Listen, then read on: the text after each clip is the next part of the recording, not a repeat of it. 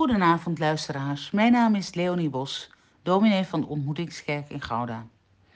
Ter bemoediging in deze tijden lees ik u elke avond de dagtekst van TC en een kort gebed.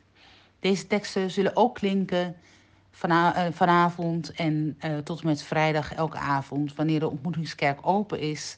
Uh, u kunt daar naartoe, u kunt stil worden, een kaarsje aansteken. Meer informatie op www.ontmoetingskerkgouda.nl In de brief aan de Efezer staat, mogen uw hart verlicht worden, zodat u zult zien waarop u hopen mag, nu God u geroepen heeft. Toen allen nog geloofden, Heer, was dat geloof? Nu is geloof niet vanzelfsprekend meer. Wie zegt nog, ik geloof? Wie durft nog te vertrouwen op wat niet zichtbaar is? Wie durft zijn leven bouwen op een getuigenis? Durven wij nog iets te weten wat niet berekend wordt, niet is te meten? Als geloven is niet bang zijn. Heer, welke angst moeten wij overwinnen?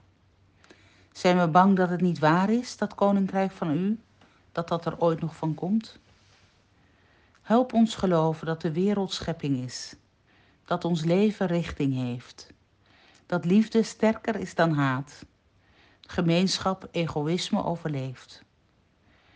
Help ons geloven in een nieuw begin als wij geen uitkomst zien. Help ons vertrouwen op uw Zoon en geef ons moed uw wil te doen de weg te gaan waarop hij ging. Amen.